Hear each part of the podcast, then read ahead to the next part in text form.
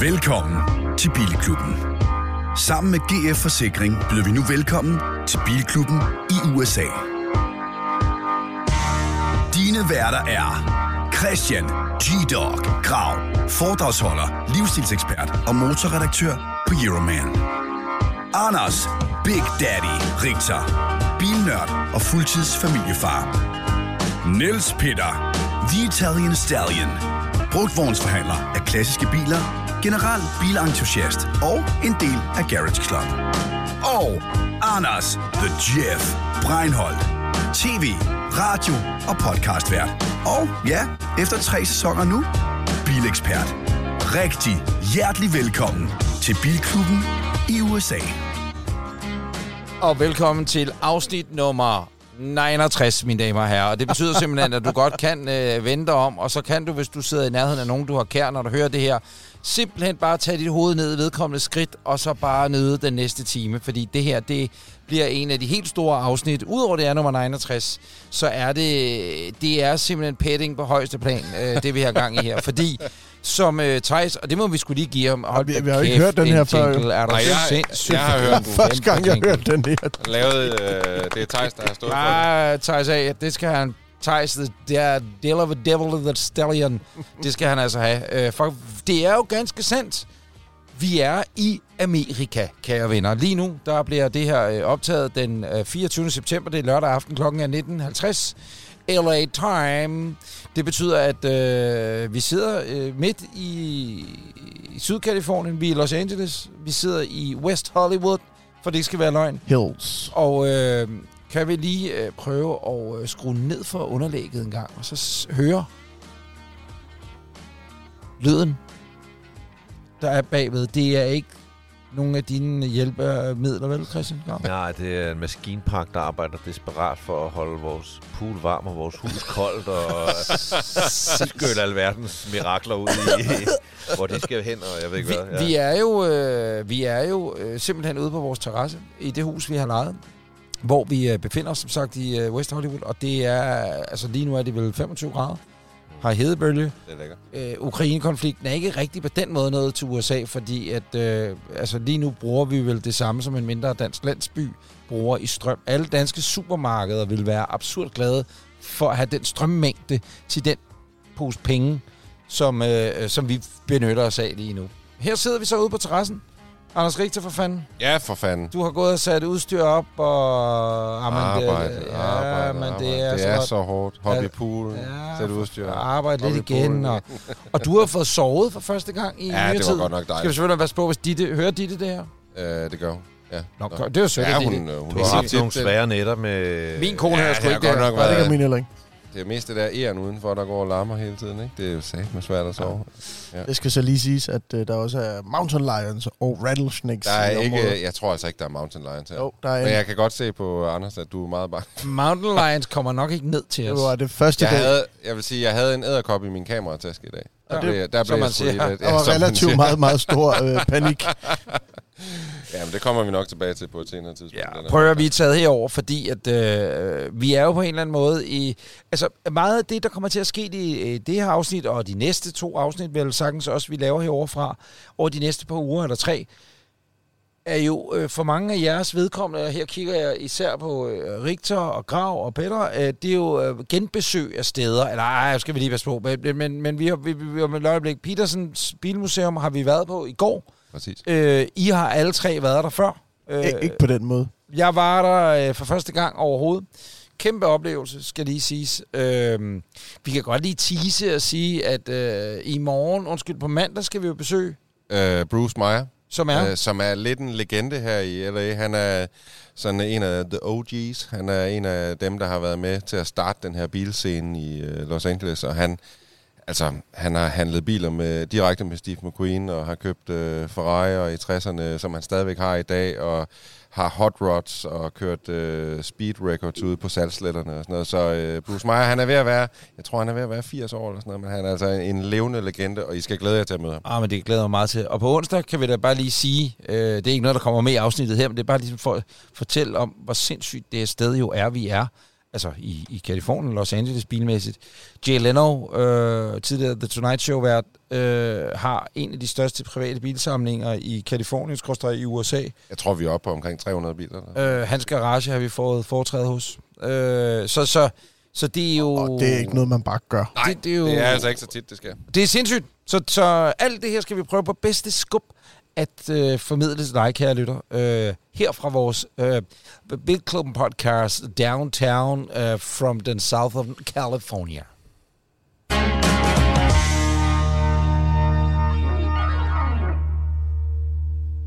Vi har kun været her i 48 timer ish. Vi, er, vi sover. Vi begyndte at måske prøve at sove lidt. Ja. Det har virkelig været svært. Øh, Christian Grav, Ja. dine oplevelser af det, der er sket siden sidst, du var i æderen med Bilklubben podcast. Jamen, de har været helt vilde. Altså, og jeg ved ikke, hvor, hvor, hvor stopper vi for eksempel Petersen ind? Jamen, det er jo siden sidst. Er det siden sidst? Jamen, jeg har været på Bilmuseum siden sidst. Og det er et bilmuseum, jeg har været på før, men det var, det var vildt. Det, var, det, var, det, det er et meget flot bilmuseum. Og øh, så er der en kælder, der hedder The Vault, som er det vildeste. Og jeg, jeg har, ja, første gang var der, synes jeg også, The Vault var det vildeste, men denne her gang, jeg ved ikke, det er ligesom The Vault var blevet vildere. Jamen, skal vi ikke lige... Altså normalt så får du en guided tour dernede en gang i timen, og så er du med i en time til halvanden. Der holder 300 biler nede The Vault, som er filmiske, historiske biler på alle mulige måder. Der er ikke én bil dernede, der, der ikke byder på en, en Skal- vanvittig historie. Skal vi ikke ramse lidt op? Der står nogle biler, Steve McQueen har. Ja. Der står øh, Saddam Husseins øh, 600. Mercedes Mercedes 600. Marcos' Der står et øh, W126 med, med landingslys bag i, hvis der er nogen, der skulle følge efter ham. Ja, så skal vi måske Et- lige, øh, sådan så alle med her, fordi at, at Marcos, det er Filippinernes gamle... Øh, Imelda Marcos mand, tror jeg, ikke? øh, kone, ikke? Eller Imeldas Marcos mand var præsident ja. I Filippinerne, og et kæmpe Imelda diktatorisk svin, ikke? Ja. Øhm, Ja, der kunne ikke være så mange sko i den der 126, kunne man tænke. Han må have haft flere dem. biler end den ene. ja. Men det var hendes bil, der der en holdt der, øh, ikke? Pave-mobil, som aldrig kom ud at køre, Mm. fordi den var åben, og på det tidspunkt, der var der nogle øh, likvideringsforsøg på paven. Øh, men, Du- men bilen findes, og noget af det, vi stusser over på den, det er, at den har sådan en stol, der ser ud som, den øh, kommer fra Biva. hvor Og det det- Den Biva kommer fra biler. Det er Biva altså, det er en Biva-stol. Ja. Ja. Hvad havde vi mere? Så er der en masse Alle filmbiler. filmbiler, ikke? Ja. Altså, Knight Rider, øh, Tilbage til fremtiden, DeLorean, Batmobilen, Batmotorcyklen, du har øh, T2'eren fra Little Miss Sunshine. Og der var lige en hel samling af Formel 1-biler. Altså Ayrton Sennas øh, Ah, Formel ja. 1-biler, Michael Schumachers Formel 1-biler og alle de der. Og så var der en bil, Anders og Breinholt synes var rigtig spændende, nemlig den allerførste Honda solgt i USA. Og der Ja. er en lidt sjov historie på den. Den, øh, den har man jo søgt efter et stykke tid. De var, øh, så vidt jeg husker, jamen det var bare, det er bare, øh, historien er, at den har øh, serienummer 0000000001. Øh, jamen den stod bare dernede, altså du ved, det, det, det var bare, jamen det, nej, historien er... Nej, historien ja, er... ja, historien ja, er- ja, fortæl mig. Der ja, der, der ja, er en fyr herovre, der kører rundt i en gammel Honda. Ja. Så på et tidspunkt, så går køleren i stykker, så skal han have fikset den, og da de så står og piller ved den der bil, så når de til stelnummer, og så kigger de på det, og så står der 000000001. Så tænker jeg, det var lige godt pokker, så tager de fat i Honda USA, som viser det sig har gennem lang tid let efter den her bil. Den første Honda importeret til USA. Og det sjove er, at øh, det viser sig, at øh, manden bor i samme... Hvad var det? Torrance. Torrance. Præcis som øh, Hondas øh, hovedkvarter i USA ligger. Så de har gået og let efter en bil. De har eftersøgt den over hele verden. De har gjort alt muligt. Og så, Så er den på cirka 400 syv meter her. Ja, Ja, ja, ja, præcis. ja. Og Helt det er også bare for at fortælle, at de biler dernede er historiske biler, og det er nogle af verdens dyreste biler, men det er også nogle af verdens, øh, altså, der har en speciel historie, så det er en lille Honda, der ligner en Fiat 126, så det er bare et, et, det, er, det er bare et vildt, vildt sted, og vi fik så på en eller anden mærkelig måde fri leg dernede, og det, det gør, normalt Nej, er normalt må der no du- du må- video, Nej. no pictures, Men lad os bare være det. Øh, vi havde skrevet til dem, men øh, vi har fået vores nye bedste ven i Kalifornien. Han hedder Jakob Greisen, du skal møde ham, kære lytter, lidt senere, fordi at øh, vi har et, et interview med Jakob. Jakob, han er øh, arbejder for Bonhams bil, eller auktionshuset Bonhams, og har bilafdelingen, den er han chef for i, i Kalifornien her. Og øh, hvad hedder det? Øh, hans kone. lange arme, og man så må sige, ind i, øh, ind i hvad hedder det, øh, Petersen Bilmuseet, er bare fuldstændig perfekt. Så rundvisningen nede i den der The Vault, det foregik ved hjælp af direktøren, der lige af museet, der simpelthen viste os rundt. Øh, det var fedt. øh, ja, det var bare mega Det var fedt. Og- mega fedt. Ja. Og, og, altså, ja, men skulle nok have været der. Og, og jeg, jeg tænker, skal vi ikke bare lukke Petersen ned her, og så sige, eller hvad? man Har I mere? Men man, man, Ej, kan- men man man glemmer- kan, vi kan lige nu at sige, at vi øh, havde jo et videokamera med. Og selvom det. der, selvom der stod på alle skiltene, at man ikke måtte optage, så fik vi jo lov af direktøren til at optage video. Så på et tidspunkt kom der en video dernede fra. Øh, og vi skal altså også lige huske at sige, at man kan selv komme ned i det vault, hvis man er i Los Angeles, men man skal altså huske at bestille billetter først, og det, skal man, det er faktisk en god idé at gøre det hjemmefra øh, på Petersen Museets øh, hjemmeside, inden man ankommer, fordi der kan altså være Og det udsolgt. er en kæmpe anbefaling, fordi de der guider, der viser dig rundt dernede, Jamen, de de så har meget. så mange historier ja. omkring de der biler, og det er bare gode historier. Alle sammen. Det Ja. Øh, altså, det var en kæmpe oplevelse nu. Jeg bliver nødt til at nævne Porsche 901. Ja. Altså Porsche 911, før den blev til 911, Ja. stod der. Og hvorfor var det, den ikke måtte hedde 901? Det er fordi, der er en Peugeot, der hedder 901. Der er en, der har Øh, svaret på Andy. Warhols, Rolls Royce. Altså, der, er- der, det er bare, der er en masse biler, der får en til at tabe underkæben, og så viser det sig lige, hov, jamen den der, den har tilhørt ham, Ja. ja. og den har tilhørt hende, og altså, det hele er bare... Det er fedt. Out of this world. Ja, fuldstændig Det unikt. fedeste bilmuseum i hele Men verden. man skal se det, og øh, enten øh, se det ved at tage over, eller så se vores YouTube-film, der kommer ud på et tidspunkt inden for Præcis. x antal tid. Det er præcis. Jo, jeg prøver bare lige at trække tiden, indtil vi er klar til... Ja, det var bare min uge, der Ja, gik. Eller var det bare... Øh, Øh, det, var, det var Gravs, men Det det var var, Graus, vel, ja. var vel i virkeligheden vores allesammens uge, der gik mere eller mindre. Var det ikke det, eller hvad? Vi var alle sammen med, vil jeg sige. Ikke? Så har vi jo Øh, været til... Det kan, du, det kan du så snakke om i din uge, der gik. Hvad har jeg været til? og vi har været til Carsten vi- Coffee. Altså. Jamen, det skal lige siges, vi bor fire Coffee. mennesker i et hus, og øh, jeg er øh, tydeligvis den mindst nørdede af os fire, men det er man nok ikke i tvivl om i det hele taget, når man hører det her. Eller så er men, bare den, der sover bedst. men jeg er også den af os, øh, der me- ved mindst øh, om biler som sådan, men øh, jeg vil sige, og jeg, men, men jeg har kæmpe kærlighed øh, for biler og alt omkring dem. Men at stå op klokken 7 for at køre ud på en parkeringsplads øh, og stå og se på 30 biler, eller hvad det, Det det var, I gjorde. det er Ej, her. det var lige en upgrade, vil jeg det, sige i dag. det, øh, Det vi, øh, nu får kører jeg så min uge, ikke? Det, det, en ting er, at vi har fået en Rivian at køre i. Øh, det er ugens bil i det her program, der kan du høre om senere. Men den har vi ligget og kørt rundt i. munden lidt væk på dem. Ja, ja. Og den har vi ligget og kørt rundt i i dag. Øh, og øh, det vi stod op tidligt i morges, det gjorde Grav, og Richter og jeg. Og så kørte vi øh, ikke så langt væk. Vi kørte til noget, der hedder Playa Vista, som ikke er Marina del Rey. Grav, det er sin egen by.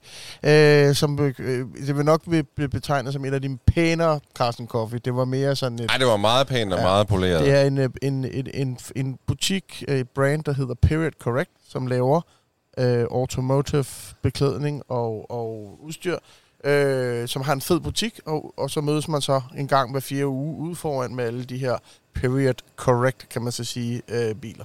Og det var meget youngtimers, øh, det var 911, rigtig mange 911, der var W126 Mercedes, der var, øh, hvad hedder den, W140 Mercedes, der var mange fede biler i dag. Men det var sådan lidt en broget skare, ikke? Ja. Ja. Fordi der var både de her hot rods, men der var også nogle skamsænkede øh, Mercedes som øh, kromfælge og alt muligt forskelligt. Jeg synes egentlig, det var meget sjovt at se, øh, hvor stor øh, spændvidde der ligesom er på, øh, på sådan bilscenen i Los Angeles. Og så kunne vi så se alt deres fede tøj, og Ja, du fik da købt en hel Ja. del NB. Og, NB, han øh, gik bare fuldstændig amok ind i den der butik der. Det var super fedt. Carson Coffee øh, er jo et... Øh, altså, det findes jo også derhjemme, ikke? Men, men, Men det, men, det der er stammer mange, jo herfra. Ja, men det er nemlig det ikke. Altså-. Det er jo en LA t- eller en Californien ting, ikke? Ja. Og, og det er, der øh, øh, har jeg lyst til at sige, øh, ikke hundredvis, men der er rigtig mange i løbet af en måned. Det er i, det, og i, det kan i godt år. være lidt svært faktisk at danne sig et overblik over, øh, hvor og hvornår og hvordan og hvorledes, fordi i hver weekend er der jo bare sindssygt mange af de der træf, og man skal ligesom udvælge, hvor man vil køre ind, fordi Los Angeles er jo også bare så stor. Altså, hvad er Los Angeles? Er det sådan noget 100 gange 100 km nærmest? Altså, det tager jo en time at køre den ene vej, og den anden vej, og den tredje vej. Øhm, så man skal ligesom være sådan lidt... Hvad er der et godt råd til, hvordan, øh, hvis man øh, tager over, så tænker jeg, nu bruger jeg sgu lige øh, søndag formiddag på at tage rundt. Altså, hvordan pick and choose man? Det er faktisk ikke så nemt, som det Nej, lyder. altså jeg vil sige, hvis man, hvis man kender nogen i LA, er det helt klart en fordel ja. at ligesom lige tage dem i ed og lige høre om, øh, om de her forskellige ting. Men Fordi hvad for har I eksempel- gjort? Hvad har I gjort? Det er bare, hvis man skulle Jamen, give lytterne et godt... vi følger jo en masse, øh, kan man sige, kontier på Instagram. Hvad hedder de? Nå, men det er bare for, hvis vi rent faktisk skulle være lidt forbrugeragtige, Ja. så sige, når man er på vej over... Om Øh, der findes ikke en, der sådan giver dig et overblik. Der findes en masse, Jamen, som det vi er følger af interesse, som så nævner det, eller hey, vi kommer derhen, vi kommer derhen. Men Ja. Det store, kan man sige, bare lige for sådan en, en historisk mæssigt, så var det i Malibu Country Mart. Øh, jeg ved ikke, om det er det, der startede, men det var i hvert fald Jay Leno, det var Spike Sheridan, det var Bruce Meyer også, der ligesom øh, mødtes dernede hver øh, lørdag klokken 9 foran, øh, hvad hedder den, Malibu Mart, et eller andet restaurant, hvor de fik ejeren til at spærre de fire parkeringspladser ud foran, så kunne de sidde og drikke kaffe. Derfra kom The Cars and Coffee, derfra kom også Comedians in Cars Drinking Coffee, eller hvad den hedder med, med Seinfeld. Seinfeld var også en af dem, der var med til at ligesom at starte det op. Jeg skal ikke sige, om der ikke har været en anden en i Syd-LA før, men det var ligesom det kendte der. Det blev lukket for nogle år tilbage, for det som blev for stort et tilløbsstykke, og for stor genering til dem, der skulle i Whole Foods i Malibu, ikke kunne finde parkeringspladser. men altså, man kan sige, at nogle af de her træf er jo 10 biler, 20 biler, 30 biler. Og nogle af dem er jo 300 biler, der mødes. Ikke? Så der er altså ret stor spændvidde på, sådan, hvad det er for en type øh, træf, du I kommer dag var der måske 40 biler. I morgen skal vi på noget, der hedder Supercars by the Sea til. Ja, i Malibu. Før Ja. Malibu ud på Pacific Highway i en eller anden nationalpark. jeg tror, der kommer lidt flere Ja, der til det. kommer der sige 300-400 biler. 100, ja, eller Jeg tror, det er sådan, så Eller det ud. 100. Godt, men der er ikke noget entydigt svar på, hvor der er man ikke kan noget sige... entydigt svar, men Nej. man kan i hvert fald sige, et godt råd vil være for eksempel at gå på Instagram og finde nogle af dem, der bor i Los Angeles, og spørge dem, hvad, hvad vil de anbefale? Fordi det der også er udfordringer, det var også det, Niels Peter, du havde jo nogle idéer til nogle træf, vi skulle til, men så finder vi ud af, at de findes bare slet ikke mere, altså de er blevet lukket ned. Så man skal også ligesom få fat i nogen, der er lokale og ved, hvad er ligesom hot, eller, og hvad er simpelthen øh, ikke eksisterende mere. Research, research, research. Hvad vil du sige? Du vil sige noget? Nej, jeg vil bare sige, at Instagram er bare det fede sted at være. I det hele taget, hvis man godt kan lide biler. Øh, hvis man... Nå ja, men det er bare... Så Ja, følger du nogen, så kan du se, hvad de liker, præcis. og så bum, så ser du, nå, der var noget Ja. der, og der, så, så er der en link til noget andet, og hele min øh, bil-entourage af, af folk, jeg følger på Instagram, det er jo vokset ud af et eller andet, og for eksempel Period Correct, jeg, jeg ved ikke, hvordan, hvordan jeg hørte om dem, men dem følger, jeg følger alle mulige andre, altså En og så kan man se, at mange af dem, de render til, til træf, til, til kaffe træf. and coffee, ikke? Til træf. Nej, men en lille Ja. kuriositet på vores øh, besøg hos Period Correct i dag. Den her virkelig fede øh, butik med fabriksvinduer, der stod en Pagani Zonda inde i, der stod en Porsche 907. Jeg tror, det var en 956. 956 øh, racerbil. Og bare det fedeste tøj, de fedeste ting og fedeste modelbiler. Og så bag øh, counteren på en hylde står der altså en BMW med øh, skrift Daloon på siden og Chris Nielsen i vinduet. Ikke? Ja, det var fedt. Det var fedt at se sådan en lille Ja. stykke dansk øh, motorsporthistorie. Det er der faktisk sket to i- gange øh, i den her uge, jo, øh, fordi Petersen holder der en Senmo. Det er rigtigt. Øh, Der blev vi også lidt, der, Ja, der blev man ja, sådan lidt, stolt. lidt, Præcis. lidt stolt af en at være Fisker dansker. Ocean. og en Fisker Ocean også, Og en. Fisker Karma. Og Ja. en marokkansk Præcis. superbil. Ja, der blev man ikke stolt over noget. Det. Prøv det har været en vild uge. Er Øh, kun lige startet. ja, det er nemlig det, det, den har. Men selvom vi befinder os herovre øh, i Amerika, over på den anden side af Atlanten, så øh, virker internettet, og derfor gør er det det. blevet tid til nyhederne.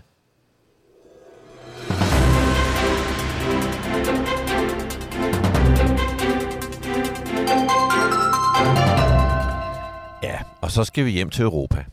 og øh, der har vi en øh, nyhed, som fangede min opmærksomhed. Det drejer sig om en øh, Berlingo 2CV Furgonet, En øh, homage til den her øh, 2CV-van, der også hed Furgonet, som øh, kørte fra 51 til 87, blev lavet i øh, over 1,2 millioner eksemplarer. Nu har den italienske coachbuilder, der hedder Castellani, han har lavet en, skal vi sige, en homage til den her øh, gamle 2CV ud af en Berlingo, og man tænker, det, kan ikke gå galt. Det, det kan kun blive federe end den rigtige Berlingo. Oh, men. Øh, og der er kommet en, øh, en elbil ud af det, og øh, Men, men nu, den ser altså sådan lidt øh, pusse løjerlig ud. Nu sender jeg lige et billede rundt du, undskyld, Elisabeth, du sidder nu lige nu, og så øh, du sidder og fortæller nyheder om en ny Berlingo. Ja. Kind of- her. Ja, det, skal, Overraskende det, det, er, jamen, vi er rummelige her. Jeg skal da ikke kunne sige, om det er vandet, du har drukket i øh, Amerika, der pludselig gør din glæde for, men den er godt nok grim, hva'? Den er nemlig Øh, stadig den ret grim. lidt... Øh, Kæft, hvor er den øh, grim. jeg Christian mener- Grav, er det ikke en, øh, er det ikke, det var, var det ikke den der HY, der også blev lavet til at starte med? Præcis. Ja. Når jeg kigger på den, så tænker jeg, det er nok dem, der også lavede den der HY, som kører ret meget kit som jumpy, food, jumpy. food truck. Ja. Ja. Ikke? Øh, men det er altså en bil, de laver. De laver den både som van, eller andre, se den, og Jeg som, behøver ikke Nå, Nej, det er godt. De laver den både som van og som øh, personbil, og øh, den har de her, altså den gamle 2CV, den havde sådan noget lidt bølgepap-agtigt øh, blik på siden, og det har den her også. Øh, og en køler, der ligner meget den gamle. Og nogle forlygter, så det, det der er et eller andet meget sjovt, sjovt over den, og så øh, kan man sige, det løjerligt med Citroën, de nægter jo at gå retro selv. Men så har man altså Castellani her, som øh, er gået retro for dem, både på HY'eren, den her gamle, det salatfad, man kan huske det måske fra Mm. mm. Olsenbanden-filmen, ikke? Præcis. Øh, og nu også på, øh, på 2CV'en, øh, som, ja, som er blevet til en øh, Balengo. Det er også blevet til en elbil. Der er ikke så mange specs på den, men de siger, at den har en rækkevidde på 275 km. Mit bud det er, at den har 130 HK, ligesom resten af elbilerne i øh, Stellantis-familien. Øh, men altså en ret øh, pusseløjerlig, mærkelig nyhed, som jeg... Øh, det, går, det går lidt frem, men jeg håber stadig ikke, jeg skal se alt for meget til den. En anden nyhed, der fangede min har opmærksomhed... et hurtigt opfølgende spørgsmål Ja. ja. omkring den. Ja. Øh, koncept, ikke koncept, rigtig bil. Altså, det er en rigtig bil. Man kan faktisk bestille den fra 1. oktober. Fordi at det kan godt være, at den ikke er så køn, og med det lige lød, første nedsabling øh, kom måske lidt for hurtigt. Fordi som sådan en, altså elbil, bybil, mm. pakkebil, øh, postman Per-bil, så er den sgu da meget fed. Altså nu i det bossen, mm. Mm. er vi jo rimelig op og ringe over i det her program. Øh, jeg der har kørt den. Øh, og hvad hedder det? Øh, altså, Og men den her, den er jo ligesom... At, at, Nå, men det, det er samme genre, kan man altså i Ja, forhold til Ja, men hvor øh, en historien fo- og sådan noget. Fogonet i gamle dage var en øh, lavet, altså den lavet, lavet præcis som det, så er det her jo en videreudvikling. Den er markant dyrere end en almindelig Berlingo. Det vil sige, du Den- vil ikke få det segment, at posten vil vælge den her bil. De vil bare vælge en almindelig Berlingo. den er jo er klart... Øh, Det er en interiørbutik eller en øh, bager, der synes, Ja, det ja, er- men nu var det bare for at sige, at, at øh, altså, i stil, altså det er bossen, det er, øh, vi ved godt, at det er Rubrød, der er ophavskvinden til den model. Her er det så to, der er samlet i en, men det er igen det der retro, at man går tilbage, og det er det, jeg mener, at der ja. Ja. har den totalt sin berettigelse. men det fede ved i det boss, det er jo egentlig, at den ikke er retro. Ja. Den kalder noget DNA fra det gamle robrød, Ja. men lygterne og alt på den er sådan set ret moderne. Den her, den er retro på en måde, hvor der er bare et eller andet, som gør, at tingene alligevel ikke passer. For eksempel, er så synes jeg jo, at egentlig. Fourgonetten, noget af det sjove ved den, det er, at den har en kæmpe kasse og sådan en ret lille kabine. Det vil sige for eksempel, taget det går op, når kassen starter. Og der er den her, den, er sådan, den har lidt af det, men den har ikke måske men der, nok Det, af det. det er jo ikke en bil, det her. Det er jo et kit. Skal vi lige være opmærksom på. Det er et kit til en Berlingo.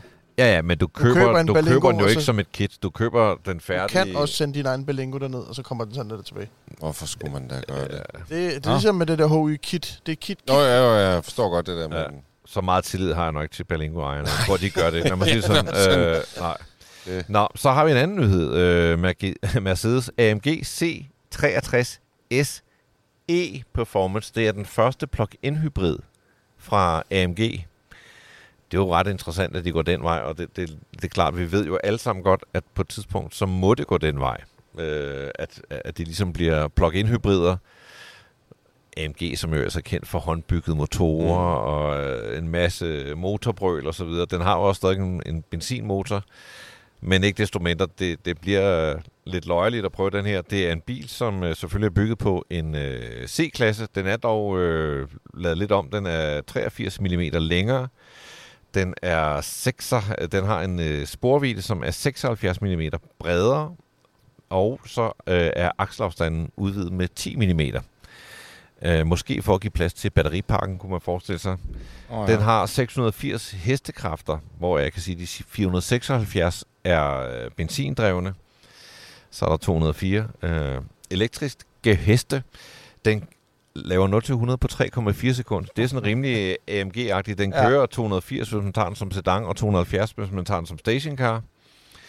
Øh, en lidt ærgerlig ting ved den, når man nu går plug-in hybrid og så videre, så videre, det er, at rækkevidden på øh, el er 13 km. 13 Okay. km. Og Og det er jo Det altså, er lige meget. det er altså i 23 graders varme. Jamen, det er jo fuldstændig vindstille. Ned ad bakke. Ja. Men må jeg spørge Men noget? de siger jo også, at når med batteripakken er lavet for at booste poweren, og ideen med hele hybridtingen er ligesom at booste den, Men, men de går ikke plug ind for at få flere heste ud af bilen. De går plug ind for ligesom at følge lidt med tiden. Og Ja, ja, så må men- jeg bare sige, så kikser det jo lidt, når den ikke kan køre mere end 30 km. Men undskyld, den tid er den ikke gået? Altså, Hvad tænker du? Jamen fra plug-in hybrid, altså man snakker om, altså inde i et, et, et, et større tidsperspektiv, der er det, om fem år er der jo ikke noget, der hedder plug-in hybrid, og muligvis, eller 10 år, eller det bestemmer fabrikkerne selvfølgelig selv. Men er det ikke lidt sent at ryge på bølgen, fordi at øh, du vil hellere have, når man Mercedes moderskibet, de kommer hele tiden med hurtige biler og alt muligt, der lige så godt kunne have været AMG'er, og pludselig kører 1000 km på batteri. I forvejen er øh, Mercedes jo vel dem, der er længst fremme sammen med Tesla, på at vride mest øh, range ud, ikke? Lige præcis C-klassen er jo en af de bedste plug-in hybrider, når det ikke er en AMG. Den kører 110 km Jo, jo, på men en hvorfor skal du overhovedet have en AMG med et plug-in? Hvorfor ikke have en AMG, der gik direkte på el? Giver det mening? Ja, men jeg kan sagtens følge, hvad du tænker, men jeg tror bare stadigvæk, at, at Mercedes tænker, at performancebilerne skal jo have et eller andet lyd og larm og benzinmotor stadigvæk, ikke? Men jeg tror, det her, det bliver den generation, der ligesom er, er, er på mellemstadiet, og næste generation er nok ren el. Altså, jeg synes, det er, det er selvfølgelig lidt Altså, jeg synes, den ser sindssygt godt ud, den nye C63. Øh, men jeg synes, det er lidt trist, at... Øh, og sådan er det jo bare øh, i den tid, vi lever i. Men den gamle C63 havde jo en øh, V8-motor, der bare lød fantastisk. Øh, øh, og, ja. og forgængeren havde også en V8-motor, der lød fuldstændig fænomenal. Og den nye her, den har altså en 4 benzinmotor. Og det er jo altså ikke helt... Hvad, hvad koster den her? Det ved man ikke endnu. Men, men man det- kan det- sige, den, det den er koster vel fra sådan noget 1,7. Er vi ikke enige om, det er det ene? Ja, så er der selvfølgelig noget afgiftsnedsættelse Ja. i Danmark og sådan noget. nej, ikke på den her- 13 km. Nej, nej, det er selvfølgelig Nej, rigtigt. det, den, det er er, den er for udulig som elbil til at få nogen rabat. Ja. Til gengæld så, så er dens navn, den går fra den ene ende af bilen til den anden bag. Ja, ja, det er ligesom i gamle dage. GLB, CK, J, Ja, øh, 12, 24 Ej, det er bare, ja, Mercedes er jo bare mestre i at lave de her psykopat lange betegnelser, som øh, giver måske mindre og mindre mening. Men jeg synes, det er ret vildt, at de kan få... Altså, den har en systemydelse på 680 heste, ikke? Mm, Jo. Og, og, Jo. og en 80 benzinmotor. Det synes jeg så til gengæld, at de lige skal have en klapsalve for. Det er... Jeg er klar. Jeg ved ikke, øh, Jeg klapper med dig. Jeg aner ikke rigtig, hvad det betyder. Jo, jo, jo. jeg ved ikke om plug-in er den helt lille mellemregning, du lægger op til, altså om de er væk om fem år. Tror Men jeg vil det? sige, performance plug-in hybrid med, med 13 km elektrisk rækkevidde, det tror jeg i hvert fald ikke er kommet for at blive. Ja, det der, det er, og det der er jo en AMG, som ingen snakker om om 10 år. Præcis. Jeg, jeg, jeg Og tror hvis sgu, det er en mellemregning. Altså, Ja, altså det her, det må jeg sige. performance, Nej, nej, jeg tror ikke performance-delen er en mellemregning, men jeg tror hele ideen om at lave en plug-in hybrid, altså som jeg ser det, en plug-in hybrid har jo både en kompliceret benzinmotor og et kompliceret batterisystem. Det virker som om, du, du tager to teknologier og putter ned i samme bil, Ja, ja, ja. og det bliver den bare dobbelt så kompliceret af. Jeg tror ikke, der går særlig mange år, øh, før man finder ud af, at, at der er altså kun plads til én teknologi. Men den ekstra men jeg vægt, tror, der går giver- mere end fem. Det var lidt, det var ja, lidt, ja, min men, det men- kan godt være, men det er jo op til Men okay, politikere. jeg kunne også have sagt 8, men det var ikke så meget øh, detaljehængeriet i det. det var, men, men vægtteknisk, ikke? Altså, øh, en, en bil, der skal være super hurtig, øh, den får ikke rigtig så meget hjælp af elen. Præcis. Og så, øh, jeg ved ikke engang, hvad batteriet vejer, hvor meget mere vægt den her får. Ved man det? Plus det lange skilt, det var jeg også meget. Ja, ja, præcis. Ej, jeg vil sige, øh, ja, jeg tror, det er blandt andet vægt, der afholdt dem fra at lave en fuld elektrisk AMG. Men Men den ja. bliver så tung, så den ja. måske også bliver tung i røven. Altså. Nå, men øh, ja. ja. ja. Det er en Men det er jo meget spændende at se, at, at det går den vej, og øh, jeg tror, at vi alle sammen må nok acceptere, at det der motorbrøl, det er på vej ud. ja. Og det er lidt ærgerligt, for noget, der lyder aller, aller lækrest, så det er AMG'er. Jamen, så kan man købe en gammel bil og øh, nyde det bæredygtige i at holde øh, den kørende, når nu den er produceret og distribueret, og der er blevet gået en masse CO2 til i den proces. Præcis. Det var nyhederne. Ugens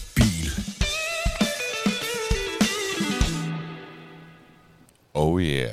Oh er, det, er, det, yeah. er det mig, der skal lave introen til ugens bil? Ja, jo, tak. Det er faktisk uh, Niels Peter, der har været så uh, sød at skaffe uh, denne uges bil, som altså er den nye uh, Rivian. Uh, det er jo altså en bil, vi har talt rigtig, rigtig meget om uh, i det her program, og det er en bil, som vi jo, jeg, jeg går ud fra, at vi alle sammen har været lidt spændt på at køre den her bil, som nogle af de første. Der er jo, ikke, der er jo næsten ikke leveret nogen af de her Rivians endnu, men vi er altså... Øh, eller, 7.000 er de oppe på i hele, øh, altså nationwide, ikke? Som Ja. nok er US-wide. altså, det er sådan en af de mest sådan, øh, eftertragtede ja. elbiler i USA lige i øjeblikket, ikke? og man følger virkelig meget med i hele deres produktion. Altså, de er jo både i gang med den her pickup, og så kommer der en stationcar, som vi faktisk også var ude at se i dag. Ja. Øh, og så kommer der jo også en øh, varevogn på et tidspunkt ret snart, som skal levere Amazon-pakker over hele øh, USA og i Europa. Øh, så det er bare en af de mest interessante elbiler. Den er jo lidt speciel, fordi det er en pickup truck. Det er jo ikke sådan noget, vi normalt ser hjemme på vores breddegrader sådan rigtig meget. Og det er øh, mærkeligt, at det også er en meget luksuriøs pickup truck. Mm. Øh, sådan en dobbeltkabine truck, så den har fire døre.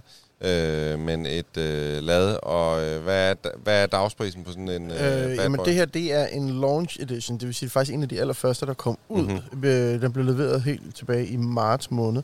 Øh, prisen øh, er steget lidt, siden de startede, øh, men i dag er prisen 73.000 for den, vi kører rundt i. Dollars. Dollars ja. med det store batteri.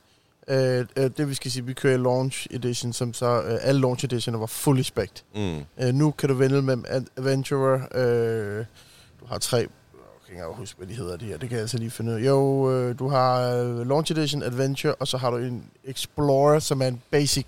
Mm. Men øh, salgene på det her til, til dato, bare for at sige det sjovt, det er, at der er solgt 0,2% Explorer. Ja, Og så Launch Edition 60%, og så 40% Adventure. Så øh, ved at Explorer udgår faktisk, for der stikker mod forventning, ikke et marked for en billig Rivian. Men man kan sige det sådan, at, at i USA er en pickup truck jo lidt sådan en arbejderbil, og det er jo, det er jo dem, man ligesom, øh, Ja, og- og- dem og- de fleste har råd til i landet, ikke? Og der stikker Rivian lidt ud, fordi tre, altså sådan, øh, 70.000 plus dollars for en pickup truck, det er edderbank med mange penge. Altså, det, det er meget, meget få amerikanere, der alligevel har råd til den her bil, ikke? Så den er sådan lidt speciel i den forstand, kan Den kommer så også en stationcar SUV, der er leveret 20 øh, ud over dem, der er leveret til personalet. Øh, og den koster 78.000 dollars. Du kan du spække dem, bliver 5.000 dollars ja, du kan spække dem med nogle forskellige ting, blandt andet det her træk ud køkken, som Anders har talt om flere gange. Det koster 5.000 dollars. Ja, det er jo kun pick up.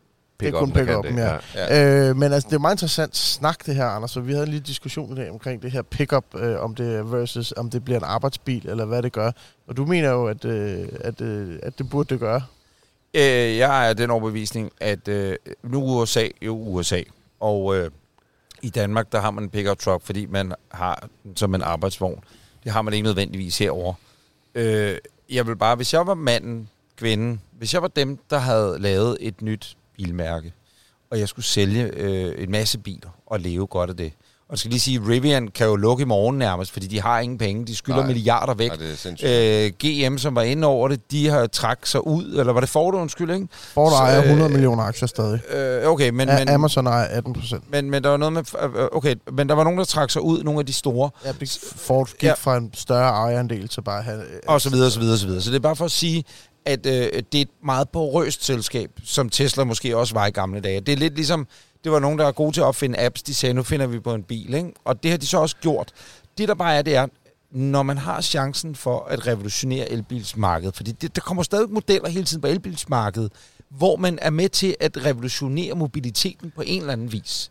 Øh, det kunne man gøre her ved at sige, vi laver en 100% elbil, som går til det brede marked i USA, i stedet for kun til dem, der bor på den samme vej, som vi bor på her. Mm. Fordi dem, der bor på den her vej, de har penge nok til i West Hollywood til at købe alle mulige andre biler end Rivian. Så det er bare, øh, og Pe- Peter, du siger, at de har købt den, det er en livsstils øh, pickup truck, og det er det, de har lavet den til. Jamen, jeg har og der vil jeg så bare sige, at det, det er, vil jeg bare være ærgerligt, fordi nu Ford F, hvad hedder den, 150'eren, den kommer også i, den hedder en Lightning, eller hvad fanden den hedder, Ja, ikke? Og 100% el. Og det er jo den, der vil løbe med det her marked, og så sidder de stadigvæk ude i Ohio, eller hvor de laver dem, og der er ingen, der gider funde dem, fordi at øh, de synes, de lavede en fed, hip bil for nogen. Og det, det det er er man bare for lille til, hvis man havde Rivian. Men det har jo aldrig været Rivians intention at skulle køre græsslåmaskiner rundt og slå græsplæner. Hvis, men jeg det har havde bare, jeg noget- næsten håbet, når man laver en jeg har bare nogle tal. Jeg, har taget, jeg har bare researchet lidt på det i dag med nogle tal omkring pickups i USA. Øh, og i Nordamerika, som, hvor vi jo sidder nu, der er en pickup mostly, mainly a passenger car. Det er ikke en arbejdsbil. Øh, hvad hedder det? 18 procent af totalt solgte biler i USA er pickups. Og det er mange. Og øh, full-size pickups og SUVs, altså de er luksuriøse. Du har jo også Escalade, den laves også som pickup. Du har Tahoe laves som pickup. Alle de store, som vi, når man kører rundt med sådan en Uber med lædersæder i, de laves også som pickups, fordi det er uh, heritage i USA, og uh, hvis du læser det ned i tallene Ja, på og så det, er det fordi, en pickup truck er meget billigere end en SUV. Ja, Så men det, derfor. men det er det faktisk ikke. Men øh, ja, det er jo så marginal 78.000 for en uh, SUV og 73.000 øh, Ja, for... ja, Men, men, er en men, Rivian, men ikke øh, almindelig. Hvis du køber en, en, en pickup truck, grunden til, at der er rigtig mange pickup trucks i USA, det er jo også, man kalder det også en redneck-bil. Det er jo fordi, den er meget billigere end mange af dem, du ellers nævner. Og det er derfor, pickup trucks er øh, udbredte herovre. Det er fordi, mm. at selv den fattigste familie har råd til at købe en bil, når det er en pickup truck. Men- og, og derfor, øh, du kan se, nu nu er jeg stærkt generaliserende, men når man ligger og høvler rundt øh, i USA, som jeg havde fornøjelsen af at gøre der i foråret, i syv uger ligger og kører rundt på, på vejene her, så øh, ser du jo på motorvejen rigtig, rigtig mange, der transporterer sig fra A til B. Primært øh, meksikanere eller folk fra, øh, hvad hedder det, øh, spansktalende lande, øh, Sydamerika, sydamerikanere på den ene eller den anden måde, som ligger og kører, og de kører derhen, hvor der er arbejde. Grunden til, at de har en pickup truck, det er, fordi det er den bil, de har råd til. og så kan de have alt deres lort om på ladet, og de ligger og kører rundt. Ja, det, det er stærkt generaliserende, det ved jeg godt. Men det er bare for at sige, den er billig, og så er det en, øh, biler, der er billige, og så kan de øh, køre 100.000 vis af miles uden at bryde sammen, og fordi de er bygget som et arbejdsredskab. Øh, det vil være min tese. Bevares. Og påstand. Øh, det interessante ved, når man går ned i tal på det her, det er, at øh, omsætningsmæssigt på, øh, hvad hedder det, GM, Ford, Stellantis, alle de her, der producerer de her pickups, der øh, står salget af pickup og fortjenesten af pickup for to tredjedele af al omsætning.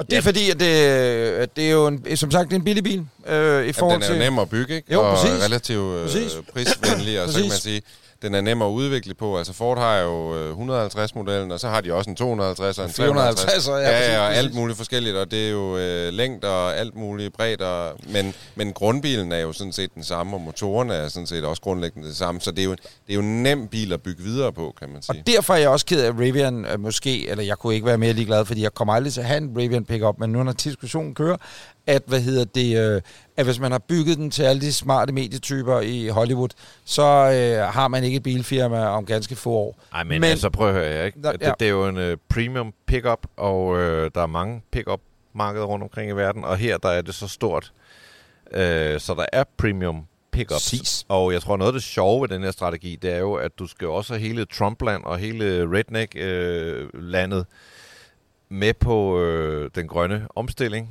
Øh, og til det formål, der er bilen meget rigtig, og de har jo hele tiden vist SUV'en samtidig med, at de viste pickup-trucken. Mm. Mm. Og der har været så meget hype om det. Folk har ventet på at få den her bil, øh, stadig ret ivrig efter at få den.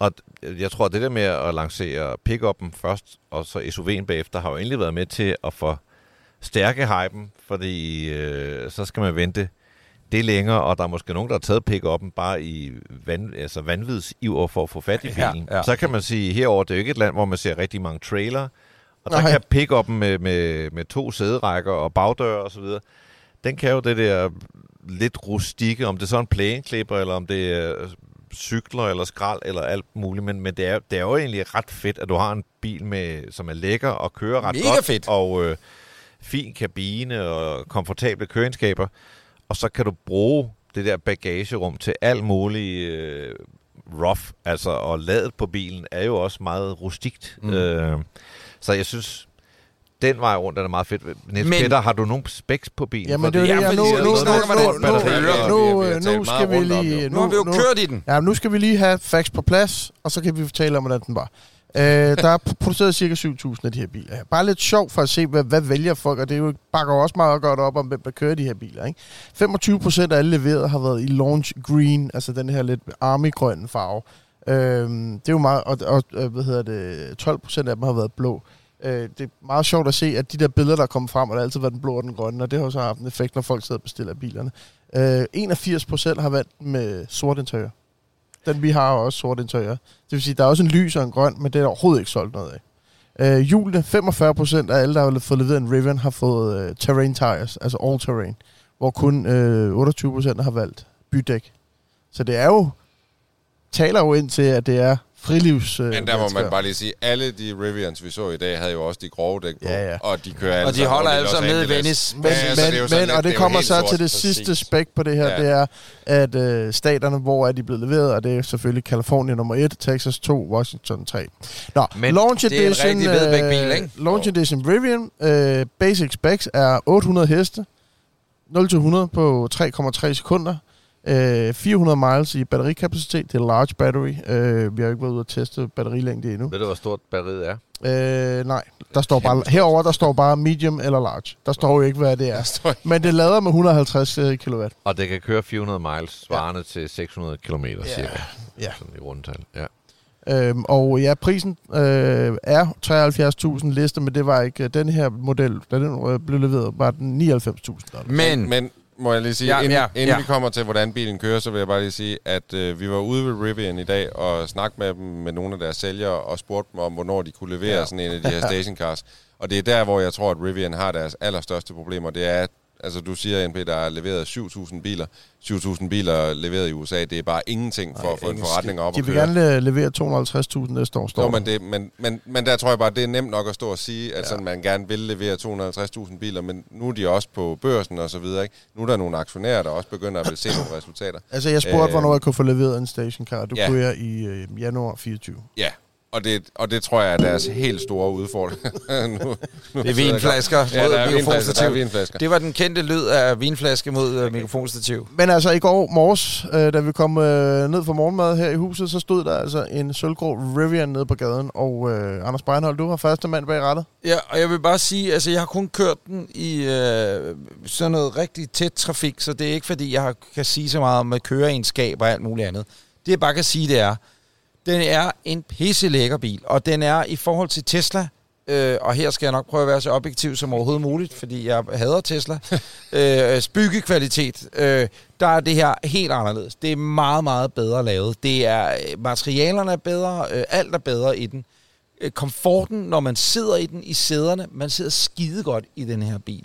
Øhm, den kører godt. Altså nu, det er et kæmpe lokum, og den er ja. lang som ind i helvede og sådan noget. Så, så, så snakker og den, Den, den kører godt af en pickup. Præcis, præcis. Ikke? Så, så, øh, og jeg har ikke kørt den nogen steder, hvor jeg har kørt meget over 40 miles i timen og sådan noget. Men den er bare virkelig komfortabel at køre i. Øh, og den er rettet er bare lækkert mellem hænderne. Øh, så er der hele denne her, man kan sige, det der med, når man skal opfinde en ny bil, det er jo øh, intuitet, eller hvad fanden sådan hedder, øh, i forhold til, hvordan man laver styresystemer og sådan noget. Og der skal man nok have en Rivian mere end bare lige et par dage, for at blive rigtig dus med, øh, hvilket, hvordan du skruer op for radioen, og hvordan du dit.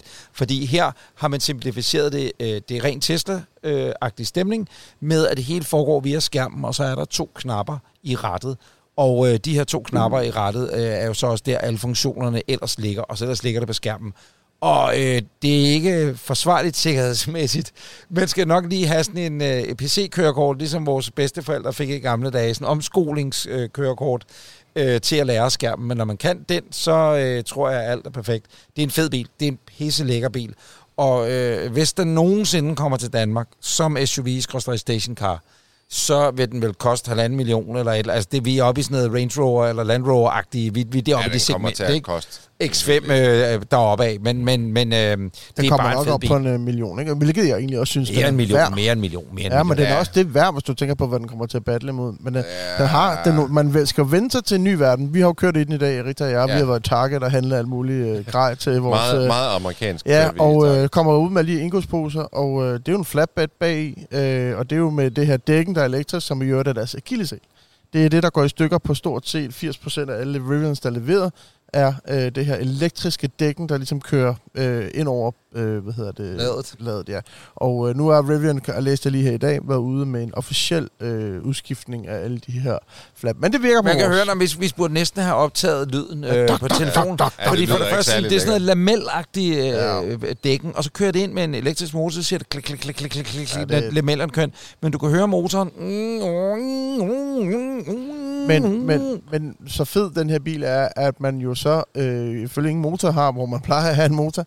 Og øh, Rivian har så lavet den, øh, det, det, det, den ligner jo en bil, men, hvor der har været en motor engang, en lang front, fronthjelm. Og øh, det er en elektrisk fronthjelm. Du kan styre den fra fjernbetjening. Det vil sige, Og det er når- faktisk meget sejt. at du kommer gående, og så åbner den op elektrisk og lukker i elektrisk. Og der har du så plads til dine shoppingposer, du sætter i der, øh, så du ikke skal om bag i bilen. Fordi... Men ja, nu har vi jo lejet den via Turo, lad os bare være ærlige, øh, som jo er den her private udlejningstjeneste, øh, Airbnb for biler.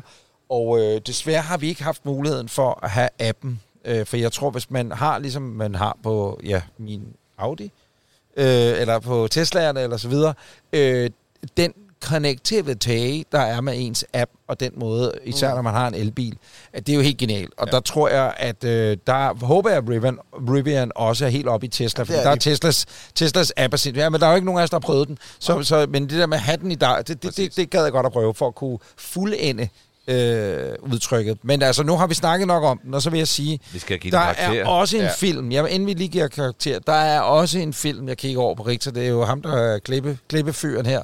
øh, men den film kommer også op på vores Der kommer YouTube-kanal. også en film, ja. Bilklubben podcast på YouTube Men må- øh, er, vores Det er vel de første danskere, der. der kører i... Det er vi Ja, øh, ja, uden tvivl. Må jeg, må jeg lige nå at sige to ting omkring den Rivian? Og det ene, det er, at vi skulle jo faktisk have lejet en anden Rivian, som gik i stykker. Ja, præcis. Så man kan sige, der er jo nok mere end bare de der lameller på, på ladet, der kan gå i stykker på sådan en Rivian. Men lad os så bare kalde det begyndervanskeligheder. Men noget andet er, jeg synes faktisk, den kører overraskende godt. Selv på de der enorme offroad-dæk, vi har fået den øh, udstyret med, så kører den faktisk. Altså, den kører faktisk meget bedre, end en pickup truck plejer at køre. Man mærker ikke de der dæk, og det plejer man ellers at gøre. Og jeg vil sige, nu har jeg primært kørt Hilux og sådan noget, øh, Ford Som Ranger er og meget sådan sådan, noget. Og arbejder op. Easy det føles jo mega lastbilagtigt at køre i, og det er sådan øh, grov diesel og gearkassen, rov, store bevægelser og så videre. Der den her, den, den er jo helt smooth og så Ja. videre.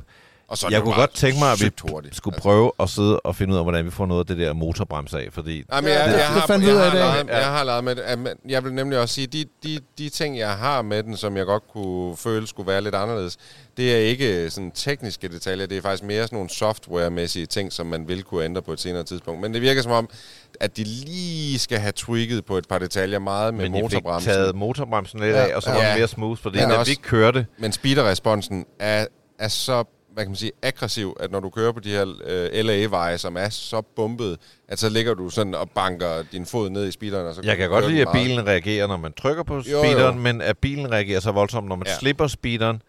Det er måske meget fint, når man kører alene, og man har vendt sig til, men, men når man kører med, med folk, eller især hvis folk kører med en, så er det dybt ubehageligt. Vi Ja. kørte jo ned til det her træf i dag. Du kørte, Niels Peter, og jeg, jeg, jeg sad bare... Oh, det var, det var, det var ikke rart at sidde, Må jeg lige spørge bag i. Ja. to ting? Øh, også fordi jeg kommer aldrig til at sidde bag i den, siger jeg. Vi skal være to i morgen. Nej. Hvad hedder, hvordan sidder man? Øh, hvordan er komforten i Ja, man hvordan sidder skal faktisk, kabinen? man er sidder det så faktisk godt. rigtig, rigtig godt. Så er det faktisk lige så godt som foran. Og det er jo også der, hvor man, man har jo slet ikke følelsen af at sidde i en pickup. Man har jo følelsen af at sidde i en luksus-SUV. Altså, vi havde jo, øh, da, vi har jo også haft en, vi har en BMW øh, X3M, øh, som vi kørte i fra Lufthavn her til huset.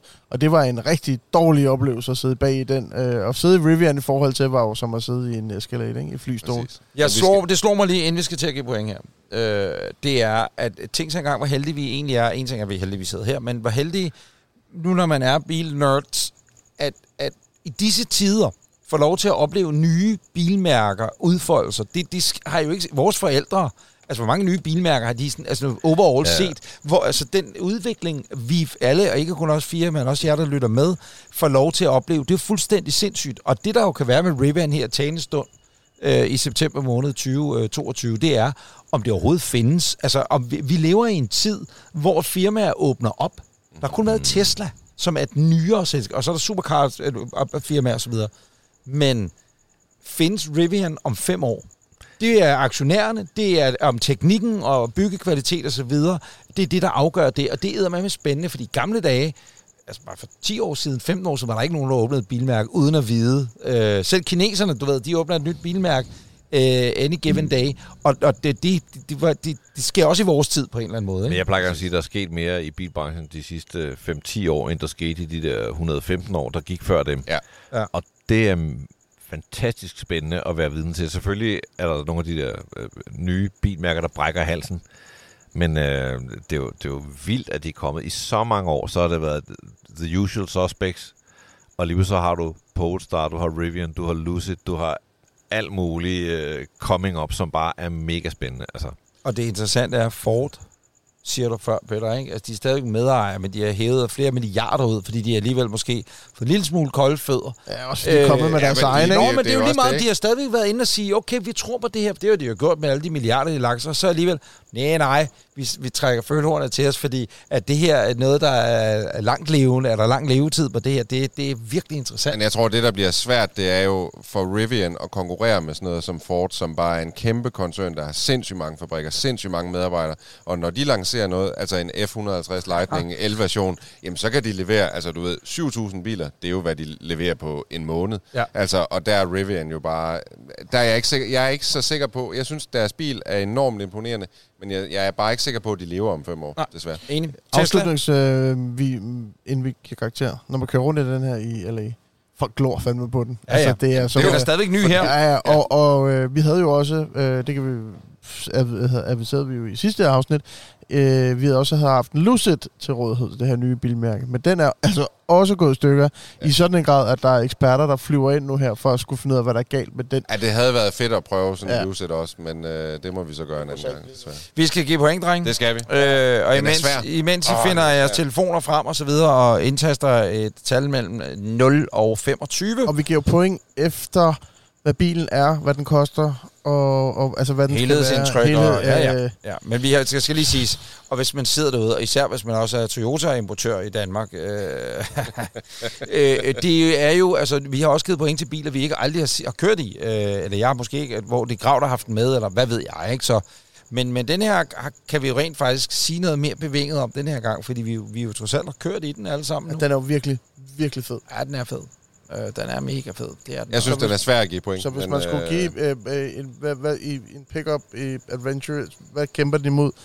Øh, en Rivian kæmper mod? Wrangler, øh, Nej, den kæmper da ikke mod Nej, det gør den Wrangler. Men det er jo sådan noget Ford F-150 Lightning. Øh, Og, og klassen højere end det, kan man sige. Ikke? Men det er jo ikke, fordi der findes så Oh, mange det er jo også. Hilux, og det er jo også Ford Ranger. Ja, det er jo bare lige, et eller andet øh, sted. Den er jo det, bare er, lidt det er sgu ikke en Hilux. Det er ikke, en kæmper ikke mod en Hilux. Jo, nu, det er nu det sætter jeg altså. foden ned. Det her det er noget andet. Jamen, Peter vil jo, ja. du vil jo gerne have det er en rigtig... Det er en livsstilsbil. livsstilsbil. Det er det Det jo. er en Hilux, gør Men også. det- Det er klart en livsstilsbil. Ja, ja. Helt sikkert. Hilux er der ikke en livsstilsbil. Nej, men det bliver jo ikke en Nej, det er livsstilsbil, pickup. bare at du Ej, nu må I smider et stoppe. op Nu må I stoppe. Nu må Nu I giver vi stoppe. Nu karakterer, må I så kan du sidde Nu og koge ned. Ja. Jeg Øh, gider, skal jeg gider ikke skal jeg starte? Ja, gør det. Jeg, jeg er faktisk... Øh, jeg var lidt i tvivl, men jeg har altså givet den 20 point, fordi jeg synes alligevel, de skal have nogle øh, point for, øh, for at prøve, og jeg synes faktisk, de er nået... På trods af, at de er et helt nyt bilmærke, så er de nået mega langt. Jeg synes, det er godt klaret. Er det mig? Ja. Jeg øh, har jo øh, glædet mig til den her bil, og jeg har fulgt med lige siden, at de satte nærmest den første streg og fundet og alt det der, ikke?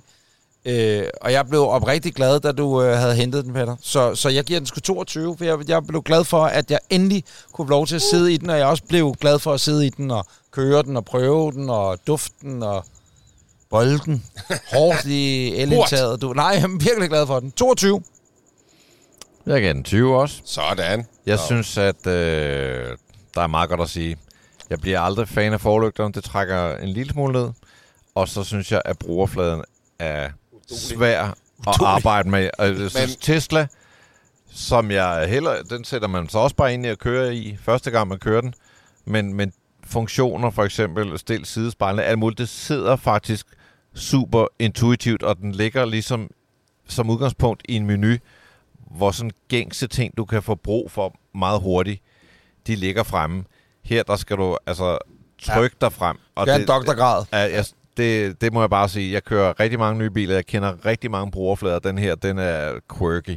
Men det, er jo, øh. men det er jo heldigvis en ting til Rivians forsvar, som de kan løse med en softwareopdatering, og ikke altså fysiske ting. Præcis, til gengæld vil jeg også tillade mig at give et væsentligt fradrag for det, fordi det er ligesom, hvad der er af instrumentering i bilen. Så brugerfladen fylder øh, idiotisk meget. Så du giver den 20. Jeg giver den 20. Jeg giver den 22, du giver den 20, og hvad giver NB. du den, Peter? 22. Sådan. 22 også? Øh, da ja, den blev leveret, der stod jeg og ventede på den nede på vejen, og den kom kørende. Og jeg blev, fik sådan en sug i maven, da jeg så den kom kørende op imod mig. Jeg synes, den var så fed. Og da jeg fik nøglen, satte mig ind og kørte op til jer. Altså, jeg var høj af det. Mm. Og d- den, i min verden får den 25 point, hvis det var, at den havde været lidt mere intuitiv. Hvis den havde haft et par knapper mere. Den har kun to knapper, ud over vinduesstyring. To knapper, SOS-knappen og øh, hazard blink, og det er fordi, det er lovkrav i USA, at det skal være knapper.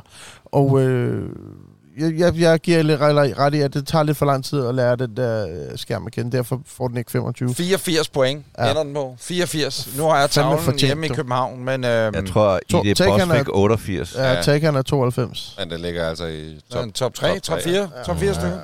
Prøv at, det bliver en lang snak om ugens bil, men øh, hvor tit kører man også i en bil, som lige er kommet på markedet, som er et helt nyt bilmærke, hvor alt er meget jomfrueligt ved det. Det sker sgu... Det sker næsten aldrig. Hvad mindre det var en Lucid selvfølgelig, men den gik i stykker. Det var ugens bil. Rivian. The only time the Hero Honda was out of the U.S. Holy cow, I could have been even a dual spotlights. I could have been even a kind of a tear. I could have been even a kind of a million dollar bid. Yes, sir. Og for første gang i det her segment, his, øh, segments historie, så giver det hele jo mening. Grav, han smiler. Jeg tror, han forstår det nu. Øh, vi skal jo, øh, vi skal jo øh, grave dybt i auktionsverdenen, og øh, hvem, øh, hvem vil være værre eller bedre til det end vores gode ven Jakob Greisen, som bedre. omtalt før. Vi var jo på Peterson Automotive Museum i går, og øh, da vi så er færdige med hele den her tur sammen med Jakob, så skal vi have en snak med Ja, ham. men, øh, du, du, kan du ikke bare sige Jakob og alt muligt. Lytterne aner ikke, hvem det er Jakob er. det. Prøv lige op. Du har jo introduceret ham. Nej. Jo, du har. Jakob Greisen. Ja, ja, men, men, men... Ja, okay. Fortsæt bare. Nej, men hvad er, hans, hvad er hans officielle titel, Anders? Nej, men prøv at høre, kære lytter. I LA, der er der en dansker, som er ansat i det største, et af de største øh, auktionshuse i verden. Det hedder Bonhams. Og øh, Bonhams, de sælger møbler, de sælger alt muligt andet, men de sælger i den grad også, øh, eller videreformidler, bortaktionerer, øh, absurd luksuriøse biler. Nye som gamle. Og der er der en dansker, der ganske rigtigt hedder Jakob Greisen. Han er Head of Bonhams US Motoring Department and Vice President. Han kommer ned, øh, Moin, sådan taler man ikke i Sønderjylland. Han er fra Åben Rå. Han er fra Åben Rå, og du kender ham øh, på forhånd, øh, Jeg kender ham fra sådan nogle bil-events, hvor jeg bliver ved med at løbe ind i ham. Han var faktisk over til vores øh, Porsche, nu siger jeg vores, meget flot her. Han var over til Porsche-fejringen, hvor vi var inde og underholde.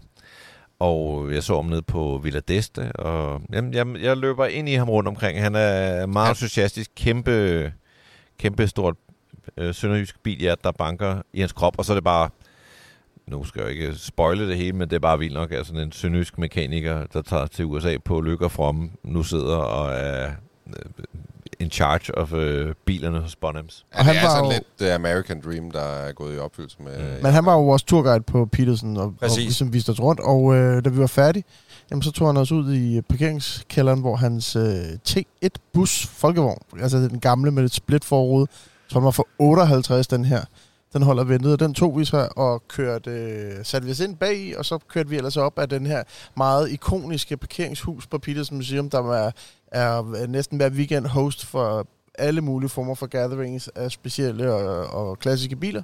Og vi kørte op på taget, hvor vi ligesom har udsigt over hele Los Angeles og palmerne og det her hvide, hvide murværk. Og øh, der parkerede vi den derop, og så fik vi lov til at sidde og malke Jakob lidt for gode historier i... Øh, Vi malkede ham. Og vi, øh, vi, øh, vi kommer simpelthen ind i historien, om man så må sige, hvor at, øh, at vi jo som altid gør, når vi øh, har gæster med i programmet her, øh, uanset om det er lyttere eller om det er gæstegæster på den måde, og siger, hvad filen kører man egentlig i til daglig? Uh, vi kører i en, i en, Rover, uh, Range Rover, du ved, A til B. Stille og roligt. Uh, vi har selv, min fiance og jeg selv har begge to MG'er faktisk. Så vi nok kommer lidt ind på lidt senere. Min første bil var en MGA, som, som var den bil, der fik mig ind i den her branche og den her hobby, ikke også? Og hun har en MG TC fra, så de er begge British Racing Green. Så de holder det hjemme, og dem, dem kører vi når vi skal have det lidt sjovt, du ved. Uh, ja, Man aner lidt øh, sønderjysk accent, og så kommer spørgsmålet, hvordan bliver en, øh, hvordan bliver en glad sønderjyde chef for Bonham i USA? Ja, altså det er jo, øh, det har faktisk taget mig, ej, det tog mig si- 10 år for at blive chef, fra jeg flyttede herover øhm, 2002, øh, uden, uden at kende nogen faktisk. Eller jeg havde to kammerater fra mor, der lavede den der tur rundt i USA, hvor man, du ved, hygger sig og holder fest. Og, og det, gjorde vi, det gjorde jeg med dem i et par uger, og så kom vi til Houston, og der købte jeg en gammel Ford van fra 80'erne, sådan en child molester van, som vi kalder dem her. Ja, ja, ja. Øhm, den købte jeg for 1800 dollars, og så kørte jeg bare mod Kalifornien, fordi jeg voksede op i... Jeg, jeg stod på skateboard, og jeg, du ved, Kalifornien, det var der, det sker. Ikke? Og det var... Og biler, som sagt, har altid været stor interesse. Min far øh, var, arbejdede for BMW i gamle dage, for Ole Olsen faktisk, i Haderslev, og han havde sådan en Peugeot-forhandling, så da jeg var 11, begyndte jeg at være biler, du ved, efter skole og det ene og det andet. Og så gik jeg i lære som mekaniker, altså biler, det var bare altid det, det jeg vil have. Eller det, jeg, det jeg vil beskæftige mm. mig med. Og de gamle biler, mig og min gode kammerat Nikolaj, vi, var, vi kørte til, ned over grænsen og købte de der tyske Kromon Flammen, hedder det, sådan nogle totalt øh, amerikansk bilblad, hvor, hvor du ved, det var bare det, der var helt rigtigt. Så jeg, jeg fortalte mor og far, at jeg vil gerne tage til USA i seks måneder og se, om jeg kan finde et job til at restaurere veteranbiler. For jeg havde købt med min far for min konfirmationspenge en MGA fra 1959, som jeg stadigvæk har. Wow. Øhm, som jeg restaurerede fra jeg var 13 til du ved, jeg var 21, da jeg flyttede herover. Øhm, så den MG, den, den gav mig interessen og også lidt know-how i at restaurere biler. Så jeg kørte fra Houston i den her gamle Ford, og så kørte jeg herud og begyndte at banke på døren øh, ved, ved random steder for at finde et job. Jeg boede i den van i 6-7 måneder, øhm, og det var, jeg hyggede mig, altså det var super fint, venner kom fra Danmark, og vi Boede i vanen. boede i vanen nede ved stranden. Eller de fik så et hotelværelse, du ved. Jeg havde et gym membership, så jeg kunne tage i bad hver anden dag. Øhm, og det var, jeg var altid den første på værkstedet, du ved, og, og de, jeg fortalte ikke rigtig mange, hvad, hvad, at, fordi det, det er så nok lidt vildt, og det var egentlig også vildt, at mine forældre synes, det var bare okay, at jeg boede på gaden i USA. øh, men altså, det var sådan ligesom starten, fordi når du, når du rejser herover, altså uden social security number, altså uden et, et uh, sygesikringskort og sådan noget, så, så kan du ikke bare gå ind og få en lejlighed og sådan nogle ting. Og jeg, jeg tjente 6 dollars og 25 i timen. Um, så det var ikke så meget. Uh, ja, jeg tjener det samme i dag i den første uge. året. men, uh, men det, var, det var sådan, man startede, ikke? Og tre uger inden min flybillet hjem, jeg, jeg havde taget over i januar, jeg skulle så hjem i juni, der mødte jeg Chuck Spielman, som, som hjalp mig rigtig meget. Han, Spiller man bare for en god undskyld, hvem er det? altså, han, han er en, en kendt samler herover. Øhm, hans bedsteforældre ejede Empire State Building i 50'erne, så han havde tjent sine penge i um, real estate og i New York. De er fra New York og, og flyt, havde flyttet til San Diego for retirement, ikke også? Um, og min mor fik den idé faktisk, sagde, Hvor, hvorfor kører du ikke nogle annoncer hjemme i Danmark i, du ved, veteran-tiden og de der, og, og skriver, at du er en dansker, der bor i Kalifornien, der kan finde biler til folk i Danmark og i Tyskland og sådan noget. Så det begyndte jeg at gøre. Du ved, det var, jeg, jeg fløj til New York i weekenden for at kigge på en bil og smage. Du ved, jeg, jeg har aldrig haft problemer med at arbejde hårdt og bare, du ved, sove, det kan vi gøre, når vi, når vi bliver gamle, ikke? Så, så jeg begyndte at komme ind i at, at købe og sælge biler og sende en hel, hel del biler til Danmark, faktisk. Hvilke biler var det her? Altså, hvilke biler fandt du dengang? Altså, det var øh, Jaguar E-type og Ford Mustang, som vi kalder dem derhjemme, altså Mustangs. Det var, det var, Det hedder en Mustang. Ja, Hvad hedder den nede, Omar? Hvad hedder man får det? ja det hedder Mustang. Mustang. Jo. Vi stopper lige uh, historien her et uh, kort øjeblik, fordi at, uh, altså, vi kunne jo sidde i nu og talt med Jakob, uh, og vi kunne have lavet en Fucking øh, fed fyr. Ja, men øh, super, øh, og, og gæstfri, og alt ja. ved Jacob er perfekt. Men jeg stopper bare lige, fordi at bemærkede, han siger på et tidspunkt, jamen når der så fylder 13 år, så øh, køber jeg jo en MG for de penge sammen med min far, som jeg så begynder at restaurere fra jeg er 13 til jeg er 21. Hvor mange øh, 13-årige kender vi egentlig, der lige kaster så restaurering af en gammel øh, MG'er? Og så har den i dag. Ja, præcis. det er- Også bare, Ja, de, Det er ret stærkt. Ja, de, ja, hov, hov, nu, nu øh, kører båndet videre. Det var ellers ikke øh, meningen, men det gør vi lige om et øjeblik. Fordi det, der sker, øh, og det, vi kunne også lade Jakob selv fortælle det, men, men nu tager vi den bare lige i et, et, et, et, kort kapitel. Jakob er derovre, begynder at arbejde for nogle andre øh, auktionshuse, møder nogle forskellige mennesker, kommer tilbage til Danmark, bliver Aston Martin-mekaniker hos Nellemann, skråstreg Aston Martin øh, København, og så videre, og så videre, og så videre. Øh, nu har han været 10 år i alt hos Bonhams og øh, er en af de ypperste til at finde biler øh, rundt omkring i hele verden, og selvfølgelig især i USA på det her, han ligesom huserer. Øh, og hans netværk er fuldstændig sindssygt. Så sidder man derude nu, og er typen, der godt vil have godt råd til, hvordan man på den ene eller den anden måde kunne få fingre i gode biler, eller bare interessere sig for godt gammeldags købmandskab omkring gamle biler, så øh, lyt godt efter her, øh, fordi at du kommer, Jacob, altså med, med guldkorn spredt ud over de næste øh, 10-15 minutter. Hvordan finder du de der biler? Altså, profe- det, det, er, det er forskelligt fra bil til bil. Altså, af og til, så er man heldig, så, så er der en, der ringer, hvad hedder det? Jeg har hørt, I handler med gamle biler, og øh, jeg har lige sådan en, en, en 300 selv stående, der, der skal sælges. Kan du ikke ordne den? Men det, det er sjældent, faktisk. Jeg vil nok sige... Hvad er det vildeste, du har oplevet af, af den type henvendelser? Huha. Øhm, der er, altså de, de mest interessante for mig, det er dem, hvor man, hvor man skal arbejde rigtigt for det, og hvor, hvor sælger og køber er begge to glade, selvom prisen den er gået langt over, hvad man havde regnet med. Øhm, her for et par uger siden i Pebble Beach, der solgte jeg en, en 300 SL Goldwing, som jeg havde været efter i omkring syv år. Som, som Den specifikke gode. den bil. Og det går med at tale med ejeren, hilse på ham, når jeg mødes, øh, bearbejde ham lidt, og så sikre dig, når den skal sælges, så er det ja. det var en hende, hun, hun øhm, hvad hedder det, en- inherited, altså hun er arvet. arvede den af sin far. Hans, hendes far købte den, George Macris købte den i 1956 ved Max Hoffman i New York. Så det var en, fra ny. Så det var en enejers Goldwing, som, øhm, som også er en interessant vare. Altså, hvis man kigger på, på veteranbiler, classic cars, altså der, der er nogle ting, der er virkelig svære at finde. Øhm, og det er lidt sjovere at sælge det, end, end en bil, der måske havde været solgt tre gange i de sidste 10 år, eller sådan noget, ikke også? Så det var, det var en, der kommer, hvad man tænker på. Eller? Hvad, hvad gik den for? Den gik for 1.750.000 US dollars. Ja. hvad var vurderingen? Den var 1,4 til 1,7. Så, så vi havde ramt den fint, vel? Den, den solgte for mere, end hvad, hvad vi havde regnet med. Hvad er, den, hvad er den dyreste bil, du nogensinde har fået formidlet?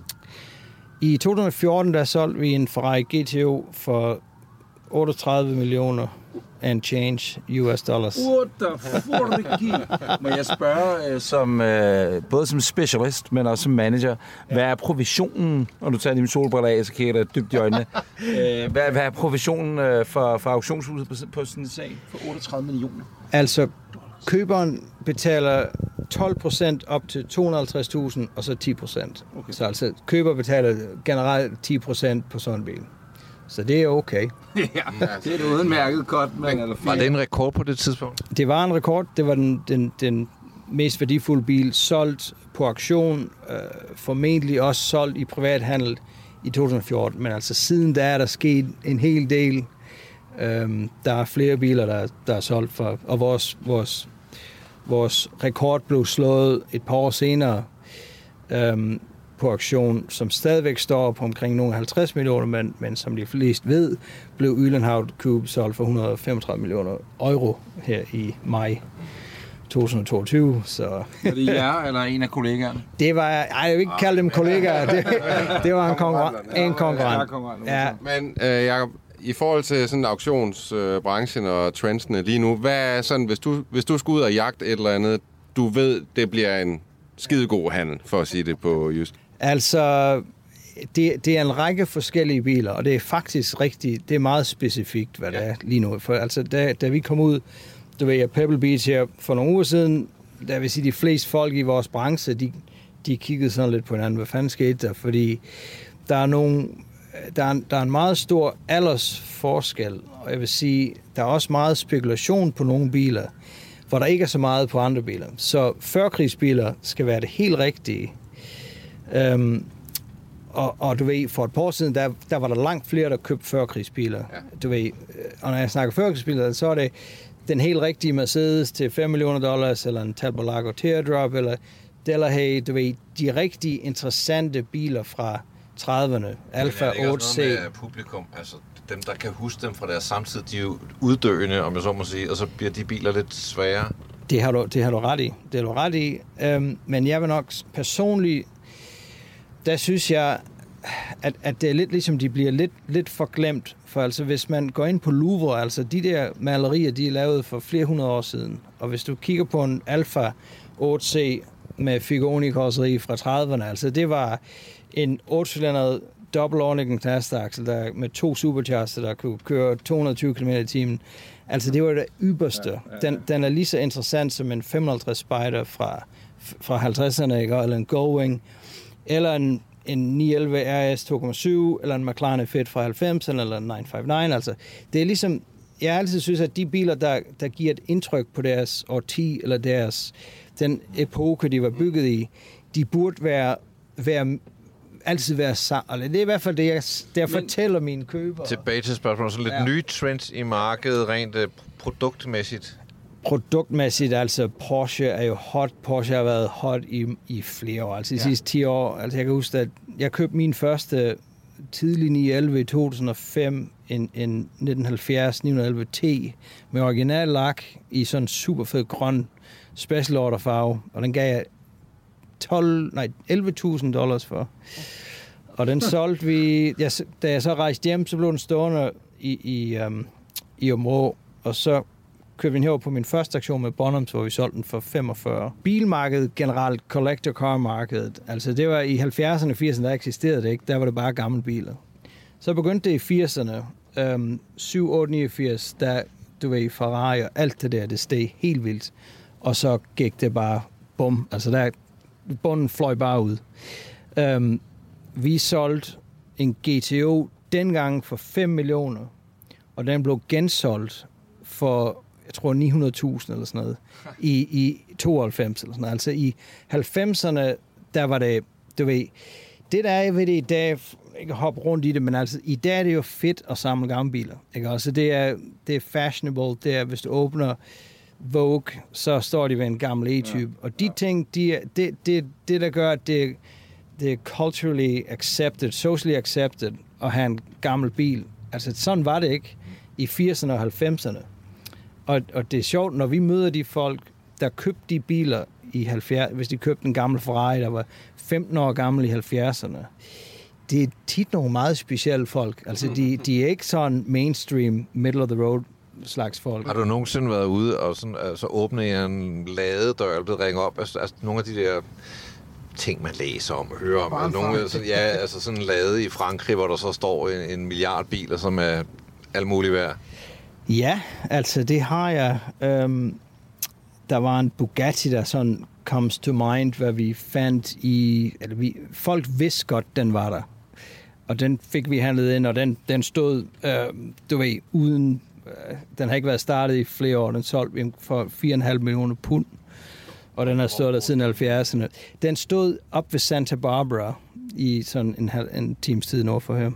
Var den privat henvendelse, eller var det jer, der ligesom bankede Vi havde banket på den dør, især min kollega i mange år. Så en anden bil er faktisk en, vi sælger nu her næste weekend på vores aktion i Newport, Rhode Island, som er en 507, som er, vi har i kataloget her. Den BMW 507, der er smuk bil, det er lidt som en Z8 i dag, ikke? Der er bygget 200, nogle 80 af dem, al- aluminiums V8 motor, du ved, alt, det var, de tabte penge på hver af dem. Men den fandt min kollega fra vores New York office, den fandt han i en, i en garage i øhm, Philadelphia. Og den bil, den er cirka 10 gange så meget værd, som den garage, den stod i, det hus er værd i, hvad den stod i, som var en, en rigtig, du ved, rough part of the neighborhood. Jakob, hvis man nu ikke har 250.000 US dollar. Vi kommer jo fra et land, jeg ved ikke, om du kan huske bilafgifterne i Danmark. Jo, jo. Ja. En af de store glæder ved at bo i Danmark jo, hvis vi skal tænke tilbage, eller hvis vi skal kigge på nogle biler, som er at, altså, til at betale. Øh, og det er jo selvfølgelig et vidt begreb, det er godt klar over, men, men hvor vi siger, at det skal, ikke, det skal ikke være sådan noget collectors item, eller det skal ikke være for tophylden.